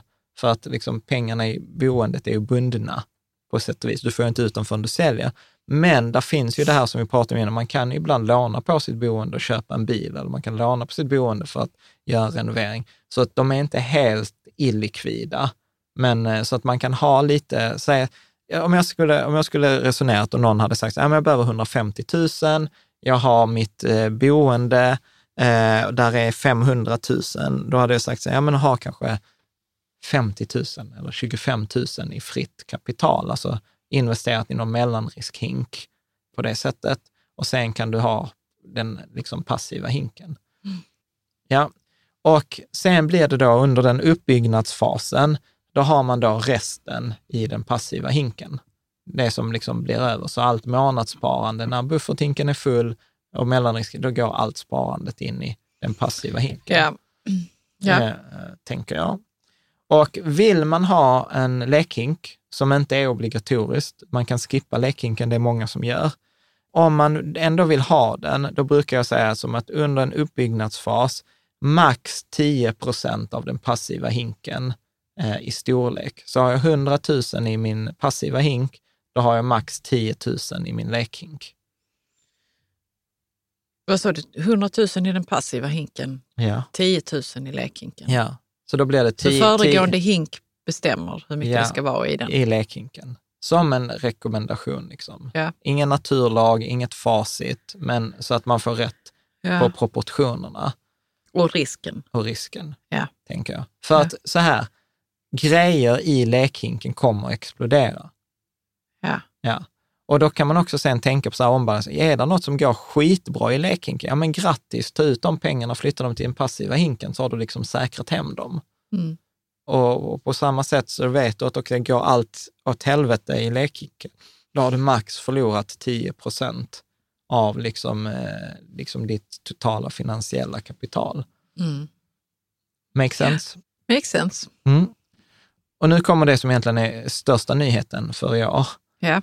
Och det är så här, hur stora ska hinkarna vara om man är i stay rich-fasen, alltså en uttagsfas. Man är fire, man är liksom ekonomiskt eh, fri. Detta kan ju också vara kul att höra fast man då är i get Uppbyggnads, rich. I För uppbyggnadsfasen. hur skulle, det kunna, hur skulle livet kunna vara? Liksom? Ja, Mm. men då tänker jag så här, och så här har jag faktiskt hjälpt eh, folk eh, när jag jobbat med finansiella rådgivare eller liksom pratat med kompisar som har mycket pengar. Liksom hur, hur ska man liksom tänka? Och då skulle jag säga att låg risk, alltså bufferthinken, ett till två års utgifter. Ja. Alltså inga, där, där är inga korrigeringar. Ett till två års utgifter, liksom punkt. Och sen så mellanriskhinken, det är här det blir då en variant. Så tillräckligt med kapital för att leva på 2-3 procents avkastning på mellanriskhinken. Så storleken här på mellanriskhinken kommer vara så här att du räknar ut dina årsutgifter dividerat med till exempel 0,025, alltså 2,5 procent. För det innebär att eh, du får ut till exempel eh, ett belopp på 10 miljoner. Och om man räknar baklänges då, om du har 10 miljoner, du har 2,5 procents eh, avkastning, Mm. så kommer det bli 250 000 per år. Okej, då, och då har man räknat en väldigt låg avkastning på 2,5 Ja, procent. det får man ju väl säga. Ja. Och om man då kan leva på 250 000 per år, ja men fantastiskt, då kommer du kunna leva på de 250 000 resten av livet. Och kapitalet kommer att vara kvar. Ja. Normalt sett brukar man prata om 4 regeln så då kan man prata om 4% räkna på det istället. Här väljer man själv. Jag själv hade nog i dagsläget snarare räknat på 2-3 procent, inte 4 procents avkastning. Om man har det i mellanriskhinken, så blir egentligen den passiva, alltså högriskhinken och spekulationslinken, då blir de valfria. Så det vill säga att då kan man ju ha hur mycket eller hur lite pengar som helst där. Så man behöver egentligen bara två, om man Ja. vill. Ja, Mm. och då är vi tillbaka på den där two bucket eh, Ja, ja. portfolio som han hade på Harold Evensky. Mm. Och detta är en ganska stor skillnad mot då till exempel hur vi har pratat om innan i den passiva hinken, att majoriteten av pengarna ska vara i den passiva hinken. För här blir ju resonemanget så här, om du har vunnit spelet, varför fortsätta spela? Mm. Eller snarare så här, har du vunnit spelet, sluta spela. Eller som eh, då till ett par, vän, ett par vänner till oss som har mycket pengar, som träffade en amerikansk finansiell rådgivare, där han sa till dem så här, varför riskera det ni har byggt upp? Mm. Liksom. Så tänker väl araberna också. För Ja, jag ja, ja. hörde för länge, länge sedan om att eh, de här oljepengarna i Mellanöstern, araberna vill inte ha så hög risk på dem. Och de Nej. är också villiga då att ha en väldigt låg avkastning, men bara det inte är risk på dem. Ja, För det är så otroligt mycket pengar. ja, Så det räcker med 2-3 procent om året ja. i genomsnitt för Ja. dem. Precis. Mm. Så, att, så att här räknar man snarare hur mycket pengar, hur mycket utgifter, hur mycket pengar behöver vi? Och sen räknar man baklänges och så ser man till att få den avkastningen. Och så lägger man på lite buffert och så är det färdigt. Mm.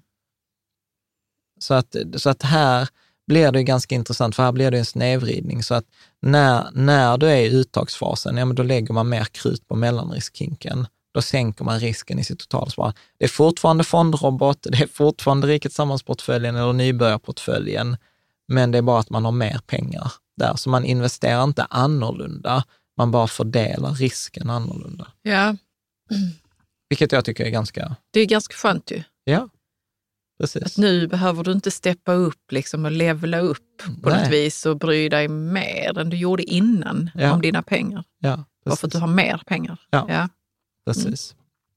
Och vi har många, alltså jag kan lugnt lista på tio pers som vi känner som har det så här. Liksom, som, har Som, det, eh, som har mycket pengar. Som, Som, är i den fasen och som, som har hur delat jobbar de med sina pengar? Då gör de ungefär så Nej, här? ja, eller men vi hade, de, jag hade till exempel ett, eh, ett par eh, Mm. som eh, men de hade typ 100 miljoner, eh, sålt sitt företag, eh, gått superbra. Och då sa då, kvinnan då sa upp sig, men hon tyckte det var jättejobbigt att säga upp sig, för hon var så här, men du vet, lönen och så stabilt. Men då, då gjorde vi så här att vi delade upp pengarna, så sa vi så här, med den här liksom mellanriskhinken, då lägger, jag tror de la 30 eller 40 miljoner där.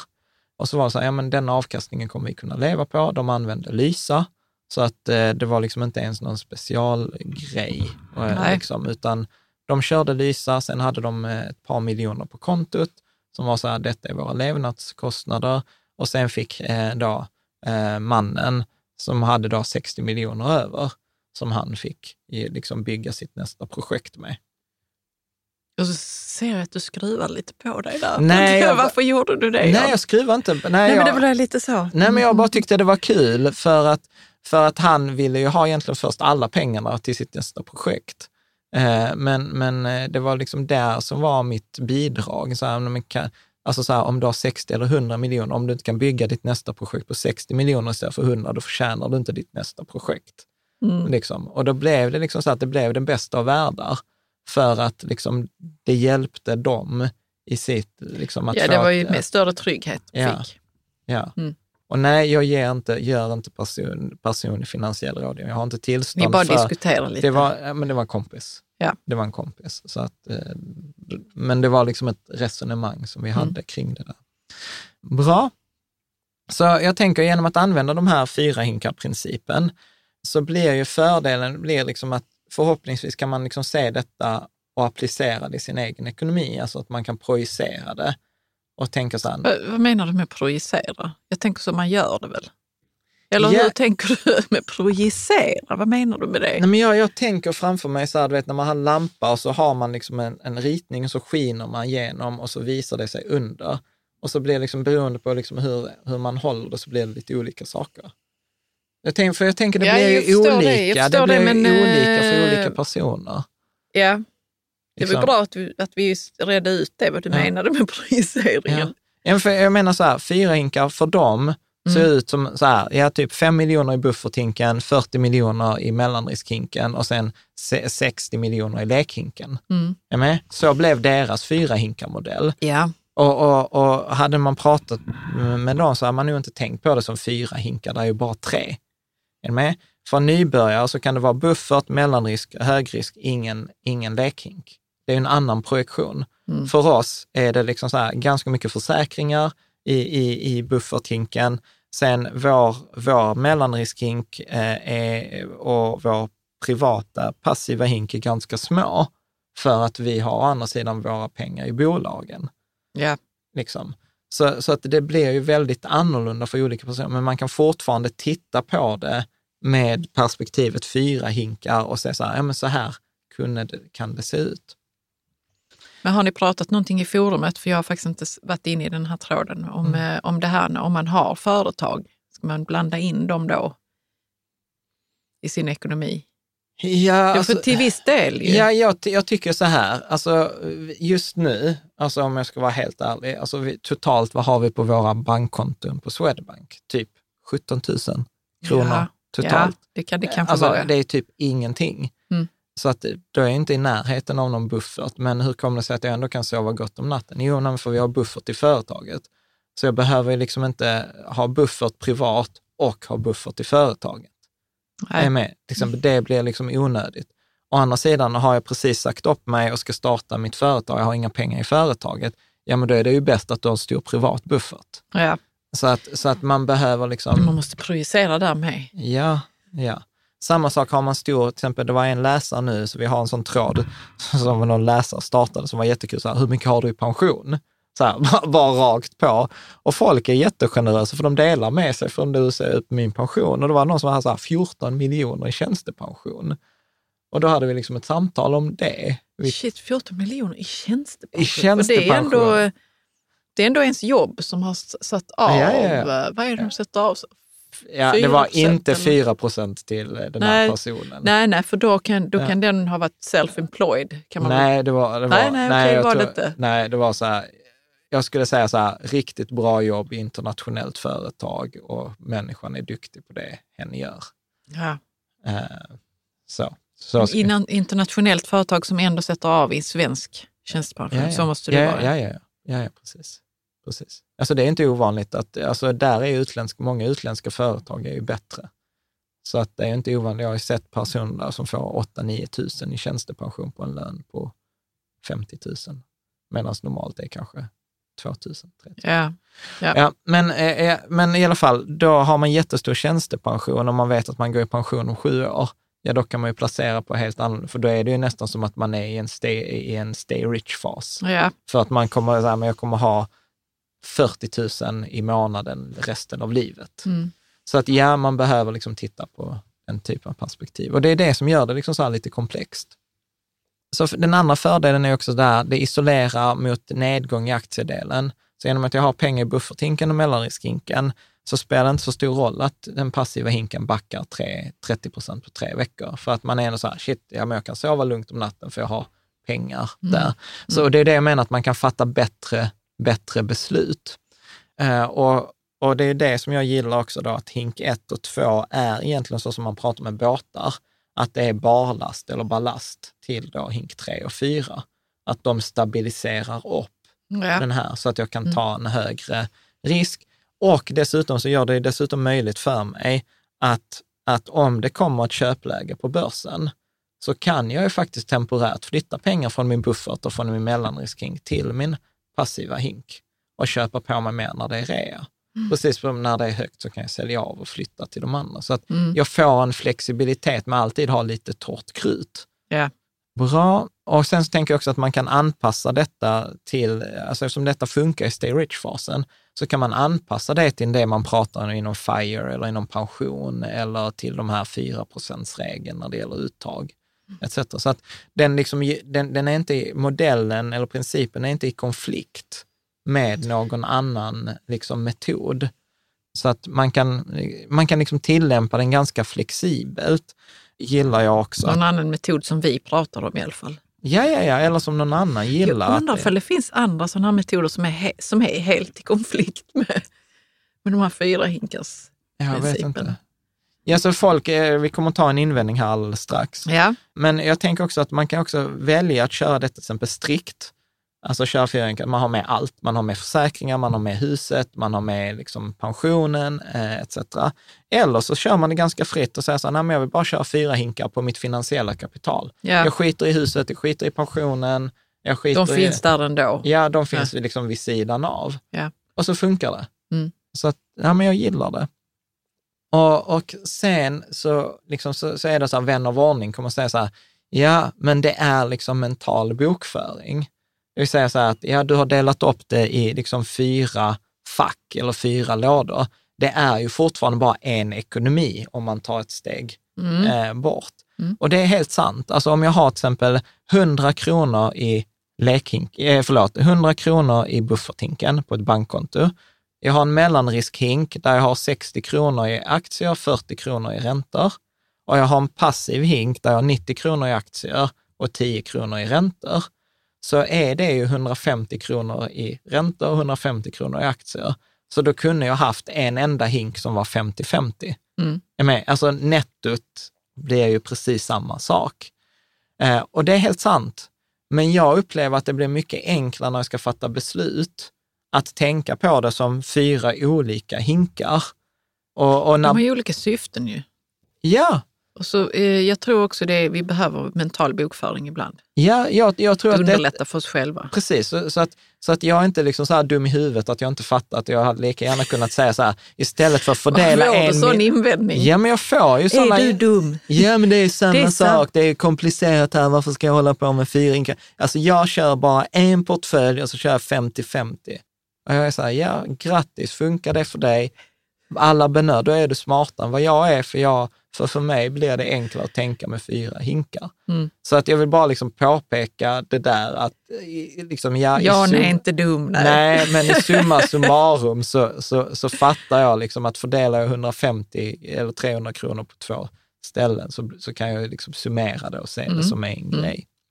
En fråga som kommer upp ibland och som med kanske risk att göra det komplicerat, men om man då slår ihop det och så tittar, så hur mycket aktier, för det är egentligen hela tiden pratar vi om balansen mellan aktier och räntor.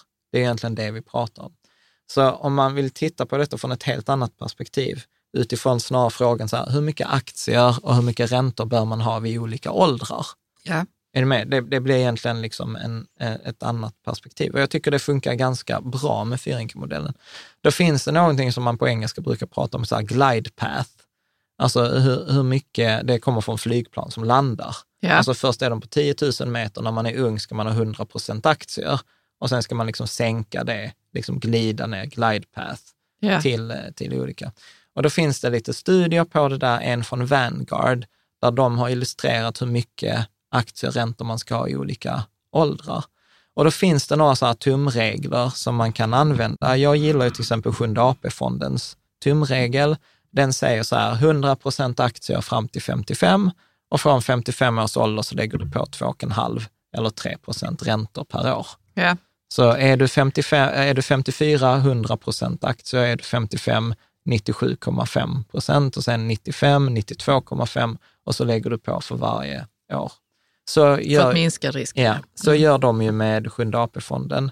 Eh, en annan tumregel är ju så här, från 50 års ålder, eh, lika mycket i, i räntor som du är år gammal. Ja, Men den är ju lite, den är ju lite mer försiktig. Mm. Liksom. Så jag gillar, jag, jag gillar Sjunde AP-fonden. Alltså, jag bara undrar var de här tumreglerna kommer ifrån eller varianterna av dem. Nej, men det kommer ifrån att ju äldre du blir, desto lägre tidshorisont har du.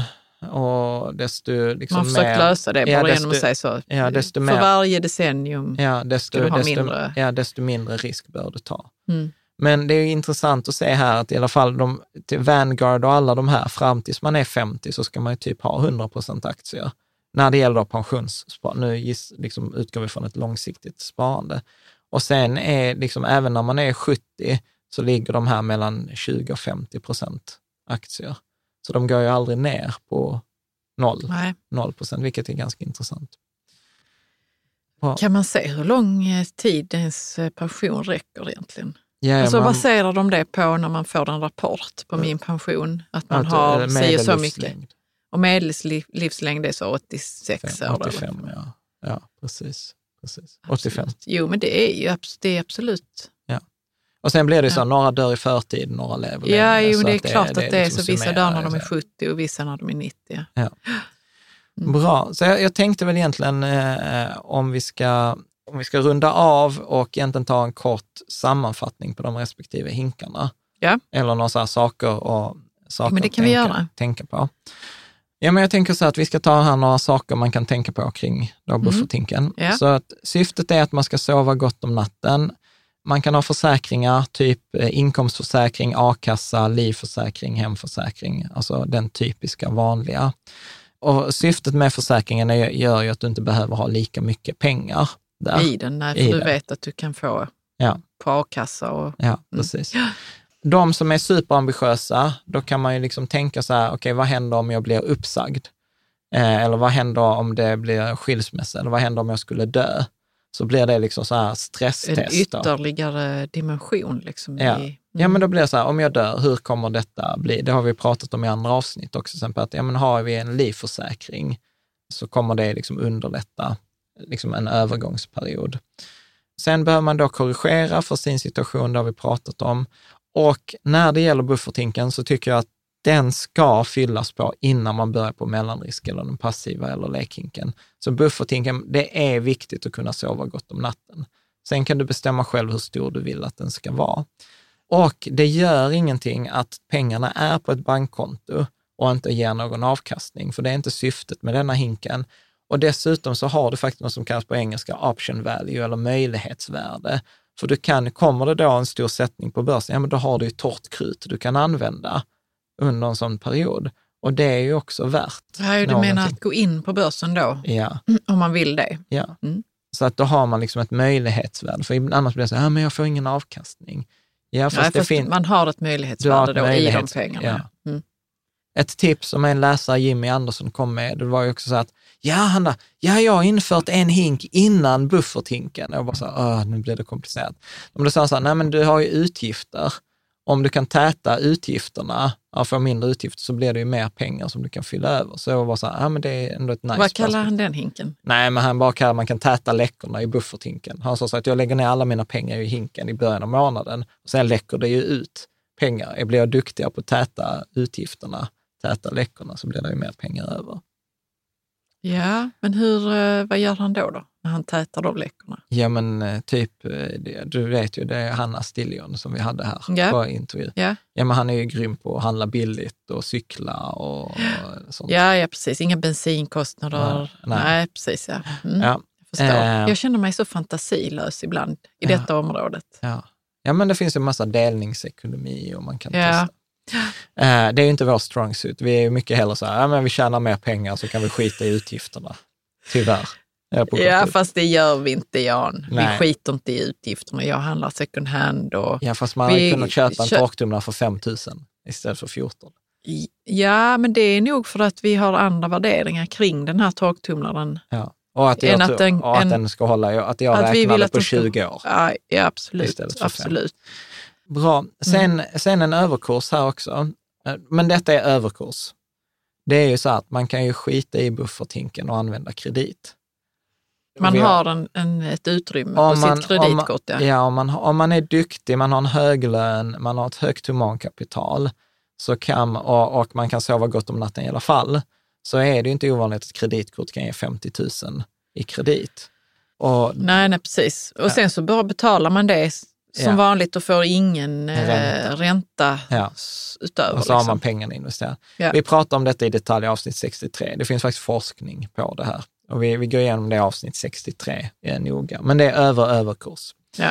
Mellanriskhinken, eh, att man, detta som jag sa innan, man blir ofta förvå- förvånad över hur stor den ska vara, men man glömmer bort att man kan sätta in sitt, eh, sitt boende och att skilja på det här med fritt och bundet kapital och eh, att, att har man då oft, för de flesta är min upplevelse, man, får- man har mer pengar i mellanriskhinken än man behöver. Eh, vilket också är hela det här avsnittet som vi har eh, spara, amortera eller belåna. Att många borde inte amortera mer än de behöver, Mm. utan då är det bättre att säga så här, men mellanriskhinken är full, vi behöver inte amortera mer, låt oss eh, månadsspara de pengarna i den passiva hinken istället. Ja. Också återigen lite överkurs för vissa. Och det kan också innebära att om man är till exempel har ett högt humankapital, man är ung, det kan faktiskt innebära att man helt och hållet skippar mellanriskhinken. Att man kör buffert och eh, passiva hinken. Ja. Så man, det är inget liksom livsnödvändigt att man måste ha en mellanriskhink i alla situationer. Och på samma sätt tvärtom, är man i en stay rich-fas, ja då vill du ha en jättestor mellanriskhink och eh, de andra två hinkarna blir valfria. Eh, men de här olika livssituationerna kan göra att man blir, blir lite förvirrat kring hur man ska ha det. Eller tycker du, tror du att det är intuitivt? För mig, alltså jag har ju levt är med i- detta i tio år, Ja. så för mig är det intuitivt, men Ja. jag fattar att det inte är det. Men Nej därför, men, jag, nej, men jag tänker egentligen så är det nog det, eh, om man bara tittar på sin ekonomi, om man då är student till Ja. exempel, ja. då kanske man inte behöver ha alla de här fyra. nej, Men om man är familje, Ja. Mor eller far, liksom, så Ja. har, känner man ett annat, helt annat behov. Det är Ja. väl den där känslan och behovet liksom, Ja. av trygghet. Och sen så brukar jag alltid rekommendera så här, bolla detta med någon annan. Sitt Mm. inte själv, bolla detta med din partner, bolla detta med en vän, bolla detta med någon arbetskamrat, bolla detta med Någon din som första lyssnar dejt. och som inte säger du ska bara investera i, i techaktier. Ja, precis. Någon som Så, lyssnar. Och har man ingen, eh, eller det kan man göra i offset, så kan man alltid ställa frågan på vårt forum. Ja, det kan man göra. så får man ofta liksom svar där. Passiva hinken, även om vi pratar om det som en högriskhink, majoriteten, vi pratar fortfarande fondrobot, indexfonder och eh, samma sak, alltså är du i stay rich, att du har de pengarna du behöver, överväg att skippa den. Liksom, varför fortsätta spela när du redan har vunnit? Liksom. Fokusera på mellanriskhinken. Så att det är väl egentligen inte så mycket mer att, att säga där. Och lekhinken, där vill jag vara supertydlig med, den behövs inte. Den är till för dig och mig som tycker att det är kul och man har hobby och man har ett intresse för att spara och man vet inte riktigt, var ska jag lägga den här börsintroduktionen eller var ska jag lägga den här solpanelsparken eller var ska jag lägga det här fastighetslånet eller Lendify. Eller vissa aktier inom företag som man gillar. Ja, Så Ja. kan det ju vara. så att detta är ju till för att eh, liksom så här, det ska vara spännande, man ska kunna spekulera, jag kan testa en ny strategi eh, etc. Poängen här, om man ändå ska vara lite seriös, det måste ju vara slå den passiva hinken. Eh, Ja. liksom, annars blir det så här, varför hålla, varför hålla på? I, och i get rich-fasen, liksom håll den liten när du bygger ackumulering, för du kommer förmodligen förlora mot index i denna korgen. Det är det vad forskningen säger i alla fall. Mm. Eh, i, I en stay rich-fas, då kan den vara hur stor som helst, men då är det lite så, här, but why? Ja. Liksom, eh, varför? Tyvärr är det så, vår lekhink har ju svält eh, på sistone. Liksom. Ja, ja, vi var ute på en promenad och jag frågade så, hur stor är den nu? Jag var bara så, här, ja den är lite... lite Du bara försökte vara undvikande kring den. ja. Nej, men vi har gjort mycket alternativa placeringar under förra året. Men nu får vi bara lugna oss och balansera till de andra hinkarna. Ja. Bra. Eh, inspiration, om man tycker det är kul, då gjorde vi avsnitt 188 eh, för förra avsnittet, där vi pratade just om alternativa investeringar som ändå var lite ansvariga eh, på det sättet. Så att eh, återigen, som jag varit inne på, en enkel variant av fyrahinkar-principen för någon som sätter igång. Det är ett bufferthinken, alltså ett sparkonto med insättningsgaranti, mellanriskhinken, Lysa, ställer in på 60-40 och sen passiva hinken, Lysa eh, och ställ in det på 90-10 Mm. och så är det färdigt. Mm. Så är det hela liksom fyra hinkar Ja. Man skippar lekhinken. Och sen tänker jag inte gå igenom här, men på bloggen så har vi liksom ett ganska avancerat exempel. Så om jag har en ganska komplex ekonomi med mycket olika tillgångar, mycket tjänstepensioner, huset etc. Hur, hur kan man liksom tänka då? Hur motiverar man de olika storlekarna? Så då kan man också gå in och titta eh, kring det. Men det är inget annat än det vi har pratat om, det är bara exemplifierat.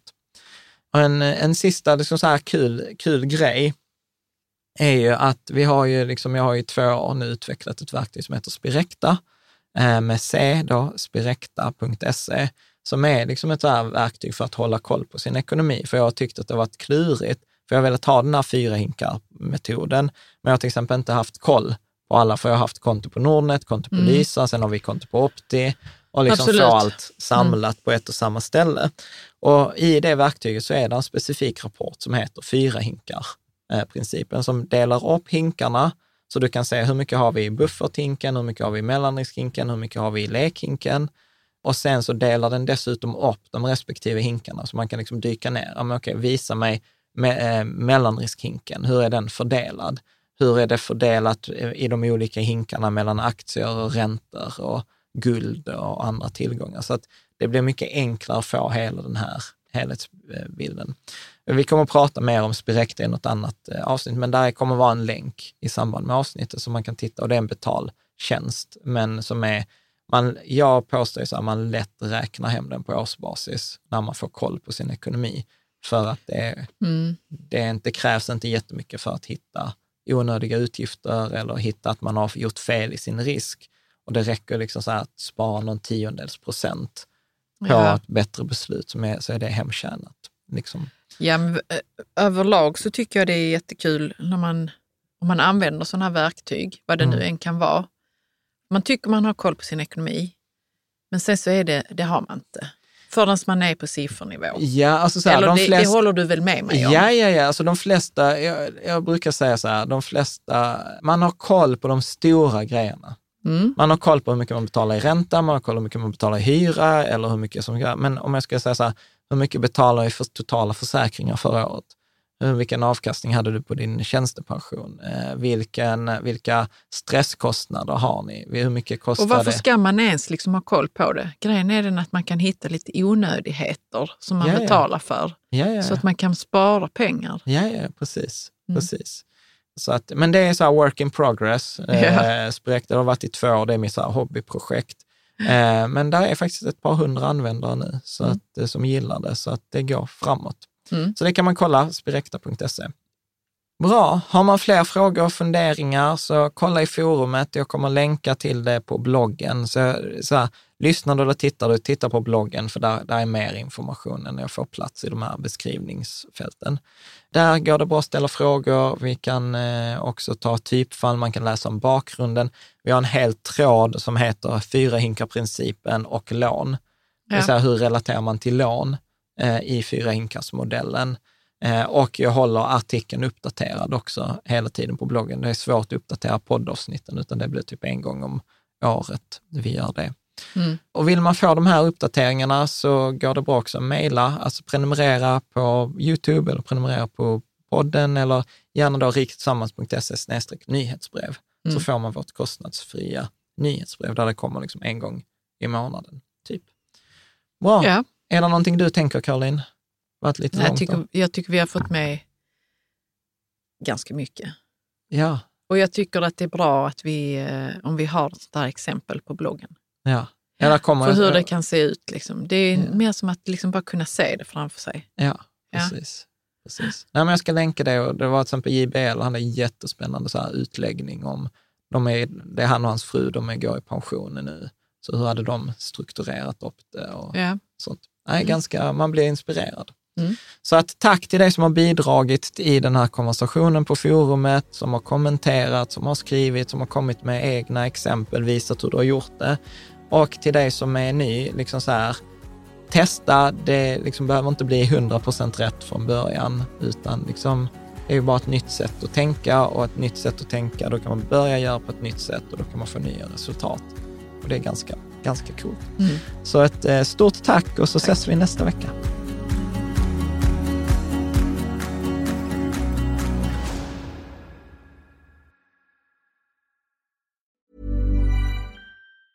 Planning for your next trip? Elevate your travel style with Quince. Quince has all the jet setting essentials you'll want for your next getaway, like European linen, premium luggage options, buttery soft Italian leather bags, and so much more. And it's all priced at 50 to 80% less than similar brands. Plus, Quince only works with factories that use safe and ethical manufacturing practices. Pack your bags with high-quality essentials you'll be wearing for vacations to come with Quince. Go to quince.com slash trip for free shipping and 365-day returns.